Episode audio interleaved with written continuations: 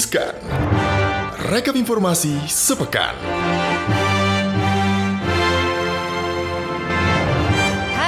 Cuan, di akhir minggu ini, belum akhir sih, tapi ini tanggal 28 Agustus 2020 hari Jumat. Seperti biasa, Riskan kembali menyapa bersama Alin. Ada juga Gibran, tentunya kita akan membagikan sejumlah informasi yang menjadi perhatian warga di seluruh Indonesia di CNBC Indonesia Betul, berita-berita ekonomi, bisnis, finansial, dan semuanya lah ya yang Betul ada di sekali. cnbcindonesia.com. Nah, gitu. Yang apa yang pertama, ini pertama adalah yang berita ini bisa itu? jadi berita baik gitu ya Mhm. buat sobat cuan yang investasi saham tapi Amerika di Amerika gitu. Iya, itu harga sahamnya gila-gilaan. Anda harus jadi sultan kalau mau beli saham teknologi, apalagi ya teknologi Iya. di Amerika Serikat. Heeh, jadi di tengah kondisi yang tidak menentu dan krisis COVID-19 ini gitu ya, Mhm. ancaman krisis ekonomi dunia ternyata ada yang mencetak cuan gede banget gitu. Apalagi kalau Wow. misalnya investasi di sini gitu. Jadi indeks bursa acuan Wall Street di Amerika Mhm. Serikat, indeks Nasdaq dan juga S&P 500 gitu ya atau Mhm. S&P 500. 500 ini kembali menyentuh level tertinggi sepanjang masanya alias all time high. Tepuk tangan buat S&P 500 dan juga Uh-uh. tentunya pasti ditopang sama saham teknologi. Betul Bener banget. Jadi Iya. kalau ini kan kita rekap ya, ini hari Hmm. Rabu kemarin gitu ya all time high-nya. Dan ini eh, Nasdaq ini ditutup melesat 1,73 persen. Wow. Sementara eh, S&P 500 ini ditutup terbang 1,02 persen. Mhm. Nah kenaikan kedua indeks di Wall Street ini disponsori oleh melesatnya harga saham-saham raksasa teknologi yang Pastinya. biasanya ini lebih dikenal dengan sebutan FAANG plus TM. Mhm. itu ada Facebook, Amazon, terus Apple, Netflix, Google, Tesla, and Microsoft tentunya kan. Betul banget. Nah, jadi selama setahun terakhir ini, meskipun serangan pandemi COVID-19, perusahaan-perusahaan teknologi besar ini berhasil bertahan gitu ya. Iyalah orang WFH di rumah Benar aja, menggunakan teknologi online, aja online, dan segala. Eh. Dan lagian gue pikirnya itu orang-orang ya, walaupun ada pandemi, itu masih ada aja budgetnya buat beli gadget beneran. Betul, betul, Apalagi betul. buat bayar ini mohon maaf ya, Netflix. Mm-mm, Pasti ada aja. itu ya. Ditambah paling paketnya tuh dinaikin kan. Karena Biasanya ada kerjaan lagi. Bener, terus Butuh nambah Apple TV waktu. juga dan segala macamnya. Mm-mm, dan bahkan ya eh, berdasarkan liris eh, rilis laporan keuangan kuartal kedua dari perusahaan-perusahaan itu gitu Mhm. menunjukkan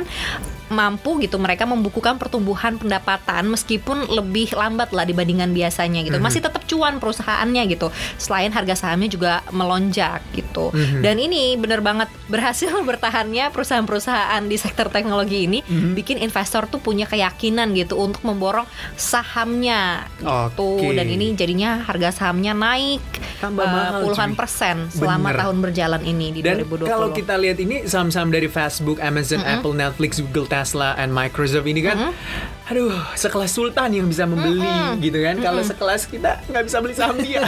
bisa sih satu lot eh satu lot juga kayaknya lumayan satu ya. unitnya itu kalau nggak salah ya itu 3 juta. Jadi kalau belinya Dikali- satu lot ya kali 100 kan. Mm-mm. Jadi 300 juta cuy kan.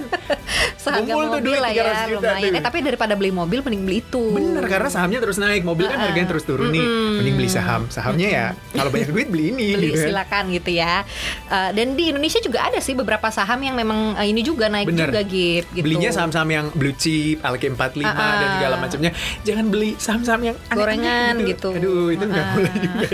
Nah, ini tuh kalau dari kabar menggembirakan kalau dari pasar saham dari Wall Street gitu kan yang harga saham-saham dari teknologi ini tetap cuan atau kinerja fundamental dari saham-saham teknologi ini tetap cuan. Tapi sayangnya kalau di dalam negeri, mhm, mohon maaf saya harus tarik nafas.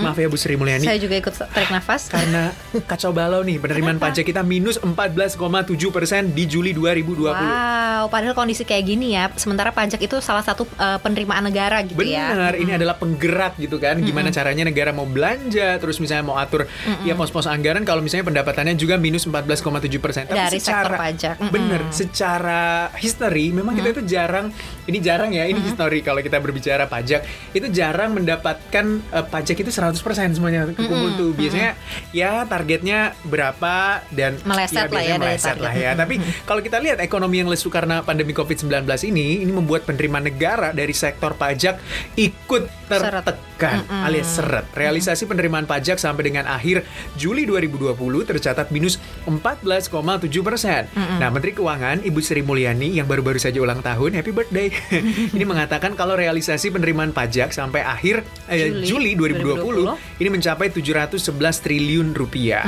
Ini terdiri dari pajak sektor migas mencapai 19,8 triliun rupiah, ada juga pajak non migas mencapai 582 triliun rupiah. Ibu Sri Mulyani mengatakan kalau di tengah pandemi COVID-19, penerimaan pajak mengalami tekanan yang sangat-sangat-sangat luar biasa, terutama PPh pasal 21 nih.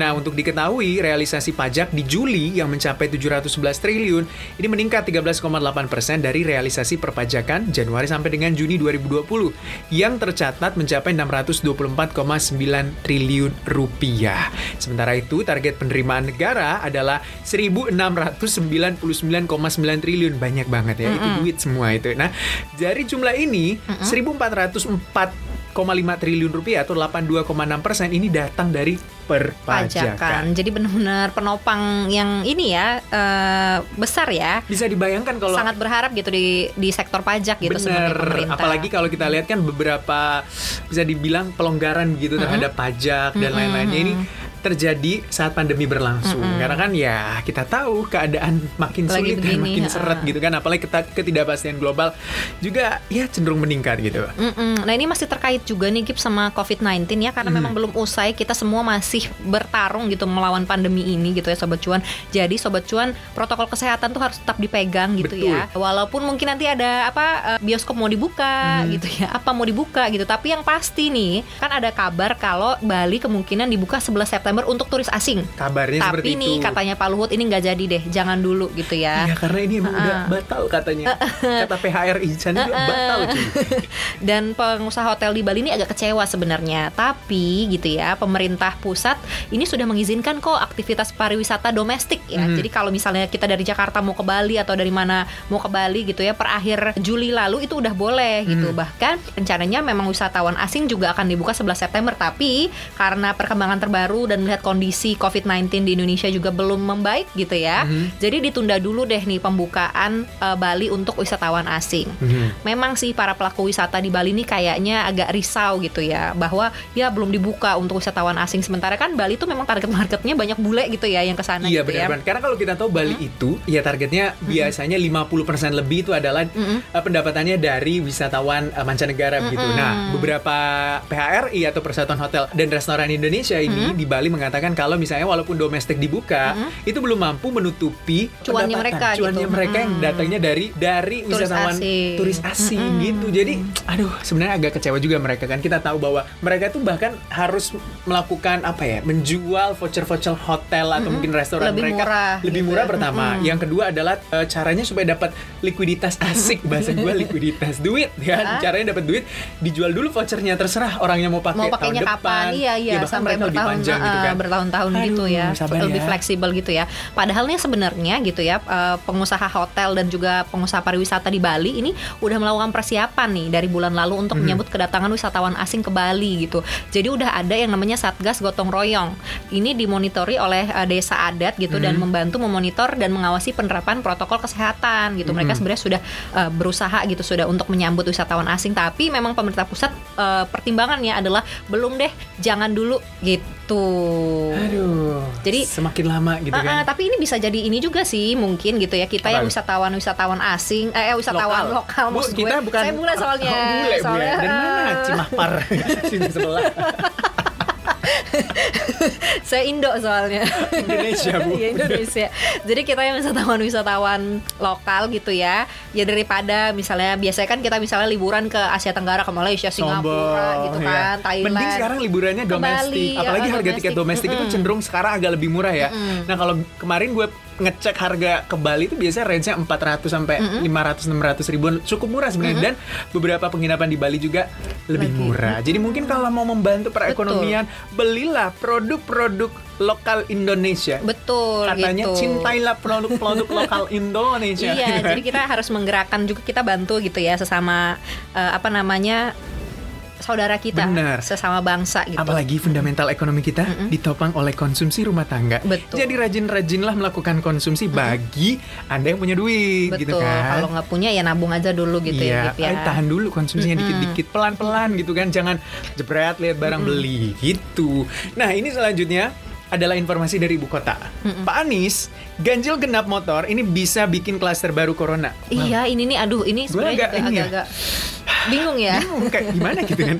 Nah, Gubernur DKI Jakarta Anies Baswedan ini telah merilis peraturan Gubernur nomor 80 tahun 2020 tentang pelaksanaan pembatasan sosial berskala besar pada masa transisi menuju masyarakat sehat, aman dan juga produktif. Salah satu poin penting dalam Pergub nomor 80 2020 ini adalah pengendalian mode transportasi meliputi kendaraan bermotor pribadi berupa sepeda motor dan juga mobil beroperasi dengan prinsip ganjil genap pada kawasan pengendalian lalu lintas. Dan Nah, ini tentu saja ya menuai banyak kontroversi karena yang orang-orang motor lah gimana sih kok motor aja kena ganjil genap terus Wow. gue naik apa gue jadi naik kendaraan umum Padahal malah di situ gue tertular gitu kan Padahal Pak Anies mau buka jalur sepeda di jalan tol. nah, jadi pengamat kebijakan publik dari Universitas Trisakti, ini Trubus Rahadiansyah menilai kalau sistem ganjil genap, terutama untuk sepeda motor, ini berimbas kepada penambahan klaster baru penularan virus corona di masyarakat. Karena sistem ganjil genap akan mendorong pengendara beralih ke transportasi umum seperti angkutan perkotaan, kata Transjakarta. KRL. Nah, di titik inilah sebenarnya penularan mungkin saja bisa terjadi antara satu sama lain di Betul. terminal halte hingga stasiun. Tapi nih sebenarnya ada alasannya nih ya. Apa Kalau tuh? kata Kepala Dinas Perhubungan DKI Jakarta, Syafrin Liputo, kan memang banyak yang agak-agak kontra ya dengan Iya, peraturan ini ya ganjil genap untuk motor ini ya. Jadi eh, alasannya adalah kalau kata si eh, Pak Syafrin ini tujuan kami menerapkan ganjil genap di masa pandemi ini berbeda nih dengan tujuan kalau kondisi normal. Kalau kondisi normal adalah untuk tidak macet gitu kan ya. Benar. Kalau kondisi normal kayak gitu. Nah, Kalau kalau sekarang? yang sekarang ini untuk membatasi pergerakan warga gitu. Oke, tapi Jadi untuk menekan warga yang mendapatkan mendapatkan giliran WFH, jadi ya udah lu kalau misalnya nggak usah keluar gitu, kalau WFH bisa di rumah aja, udah di rumah aja Tapi, gitu. udah tahu nggak sih bahwa nggak nggak semua kantor lagi sekarang WFH kan cuy? Uh-uh. Banyak juga perkantoran Iya, yang udah sudah masuk. Mulai beraktivitas secara normal. Mungkin kalau orang yang punya banyak duit Bisa punya motor dua, Enggak bisa juga punya mobil cuy dua. Atau naik mobil gitu Uh-uh. juga kan Atau mungkin naik helikopter Mahal ya. Yang nggak punya pilihan Seperti misalnya dia harus naik KRL Atau naik bus eh, Transjakarta dan segala macam Ya mau di apa lagi Dia Iya. harus menghadapi hal-hal seperti itu Gitu, coba mungkin dipertimbangkan lagi ya Pak Anies dan eh, segenap jajarannya gitu kan ya. Ha-ha. Iya jangan lupa juga ya Semua peraturan tentunya Atau apa pun harus itu dikaji lah gitu lah harus ya. dikaji gitu Ha-ha. kan Jangan asal aja gitu, bikin ini, bikin itu gitu. Mhm. Saya sebagai warga Jakarta, Bu jangan lahir dan besar Bu curhat saya. soalnya Bu Jadi bergunjing. Coba selanjutnya Lanjut, ada em, jadi kita tahu ya ada jutaan orang yang kena PHK gara-gara Benar. pandemi. Nah langkah pemerintah tuh apa gitu? Kalau berdasarkan data nih GIP ya, ada sekitar 2,1 juta orang eh, tenaga, tenaga kerja yang kena PHK Benar. selama pandemi ini. Gitu. Mhm. Sementara ada 1,4 juta orang yang dirumahkan. Ini Hmm. beda ya. Benar. jadi dirumahkan mungkin aja statusnya tetap pegawai tapi gaji dipotong gitu. Aha. Nah ini membuat pemerintah nih menyiapkan strategi khusus untuk bisa menyerap tenaga kerja baru. Benar. Caranya gimana? Jadi Menko Perekonomian Erlangga Hartanto menjelaskan saat ini nih pemerintah sedang menyiapkan program-program padat karya di sektor infrastruktur dan sektor pertanian. Mhm. Jadi kalau kata PR Pak Erlangga nih pemerintah lagi ngelihat kemungkinan untuk mengembangkan bendungan atau program pengamanan pantai di utara Pulau Jawa dan diharapkan ini bisa menyerap tenaga kerja gitu. Selain itu pemerintah juga memiliki program kartu prakerja. Hmm. Lewat kartu prakerja ini eh, diharapkan para korban PHK atau yang dirumahkan ini bisa mengikuti programnya gitu ya. Dan saat ini sudah ada 13 juta pendaftar kartu pak- kartu prakerja. Ribet ya gue ya. Eh. Dan pemerintah tuh sudah menerima 1,4 juta peserta. Jadi Mhm. dari kuotanya 13 juta baru 1,4 juta nih yang terdaftar gitu ya atau yang mendaftar. Oke. Dan targetnya sampai akhir 2020 ini bisa ada 5,6 juta peserta kartu prakerja lagi gitu. begitu banyak stimulus gitu ya yang Ah, ah. diberikan oleh Tapi pemerintah. maksud gue gini ya, kan yang dipecat-pecatin itu ya 2,1 juta orang tenaga kerja itu sama Hmm. mungkin yang dirumahkan itu kan nggak semuanya bisa ya. Ini kan sektornya infrastruktur dan pertanian gitu ya, padat karya. Bener. Kan nggak semua orang punya kapabilitas itu gitu maksud Betul gue. sekali bisa saja yang dirumahkan itu mungkin yang bekerja sektor teknologi Administrasi, eh, atau gitu, teknologi atau gitu-gitu. manufaktur Ah, gitu ah, kan. gitu. Aduh, Jadi- jadi harus melihat juga gimana kebutuhan Ah, ah, atau yang di gitu. rumah ini tuh apa sih pekerja jenis apa sih Ah, maksudnya ah. di sektor mana gitu kan Iya. ya ujuk-ujuk dimasukin di pertanian sih dipetakan sebenarnya. lagi deh Pak ya gitu Iya, mendingan benar. lebih baik gitu ya dan kartu prakerja juga ya didata lagi aja gitu. Hmm, siapa tahu kan orang-orang Eh, sama kartu yang prakerja mau datang kan ke ah, ah. kita tunggu juga nih ini Mau banget. gitu ke kita ya. Iya. Eh sama yang gajian itu loh, Gip. Yang 600.000? Ah, ah, itu Iya. katanya di akhir bulan ini. tapi kan nggak tahu nih udah cair atau nggak tapi kan em, bisa dicek sih kata katanya. Kemenaker juga kan itu masih apa namanya ada proses verifikasi juga dan bahkan kalau bukan cuma itu gaji 13 juga ada beberapa daerah yang masih agak tertunda Oh, gitu. gitu. Jadi sebenarnya mungkin dari titah pemerintah pusat udah turun tapi, Tapi kan kembali lagi ya, ke bawah-bawah, Iya, bawah-bawah birokrasi gitu. makanya selalu Pak Jokowi bilang apa? birokrasinya harus satu apa? Satu Komando gitu. kom- bukan satu komando apa sih? Satu saluran. Oh, iya. Harus ada sense of crisisnya Hmm, gitu nggak kan. boleh nggak boleh lama-lama eh, lagi gitu ya sekarang tuh harus bertindak cepat udah gercep cepet cepet cepet, cepet ke mana gitu Nah, itu dia tentunya sejumlah informasi yang menjadi perhatian Di eh, minggu ini di ya. CNBC Indonesia tentunya.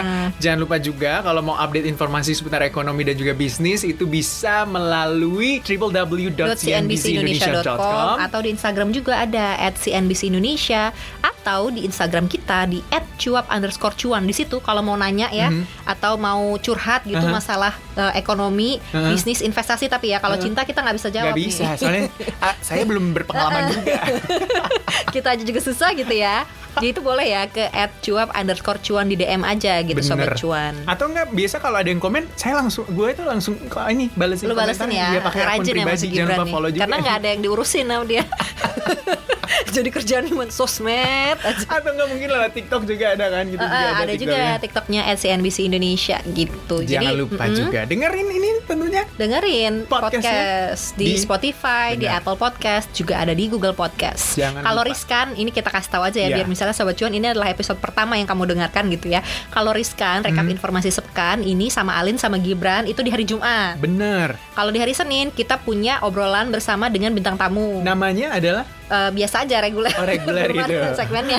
Soalnya saya nggak hafal semua programnya. Uh, jadi. nah, di hari Rabu kita tuh punya koneksi konten ekonomi seksi. Di situ kita bahas satu tema gitu ya, tapi kita bahas secara mendalam bersama dengan tim riset CNBC Indonesia. Makanya harus denger cuap-cuap cuan, nontonnya CNBC Indonesia, bacanya juga CNBC Indonesia Betul, tentunya supaya biar update. makin update, makin pinter Betul tentunya ya. Oke, itu dia sejumlah yang kita bisa sampaikan di hari ini. Terima kasih tentunya yang sudah mendengarkan. Jangan lupa terus dengarkan cuap-cuap cuan. Dan tetap jaga protokol kesehatan ya, pakai masker, hand sanitizer, nggak usah nongkrong kalau nggak perlu. Gue udah kayak mama belum. Kalau misalnya bioskop dibuka, eh, dipikir-pikir lagi kalau mau datang gitu kan. Kalau daripada eh, daripada lu cuma kesa- eh, kesenangan sesaat gitu ya nonton film gitu abis itu lu sakit, jangan sampai mengorbankan kesehatan beberapa tahun ke depan gitu. Hanya eh karena mending tahun Mending kalau tahun. hari Ya nah, ampun. kan gak ada yang tahu Ah, gitu. besoknya tit gitu. Jadi sangat bijaksana lah ya sobat cuan ya gitu karena Bijaksana. virus corona tuh masih ada di luar sana gitu Iya, walaupun nggak terlihatan gitu kan, tapi setidaknya musuh kita memang ada gitu betul ya udahlah kita nasehati Iya, Jadi kita ntar dikirain mama di sini mama itu apa ganggang gitu ya. Aduh, janganlah ya. Pokoknya jaga kesehatan aja, tetap sehat. Nanti kita ketemu-ketemu lagi di Riskan pekan depan. Iya. Sampai jumpa. dah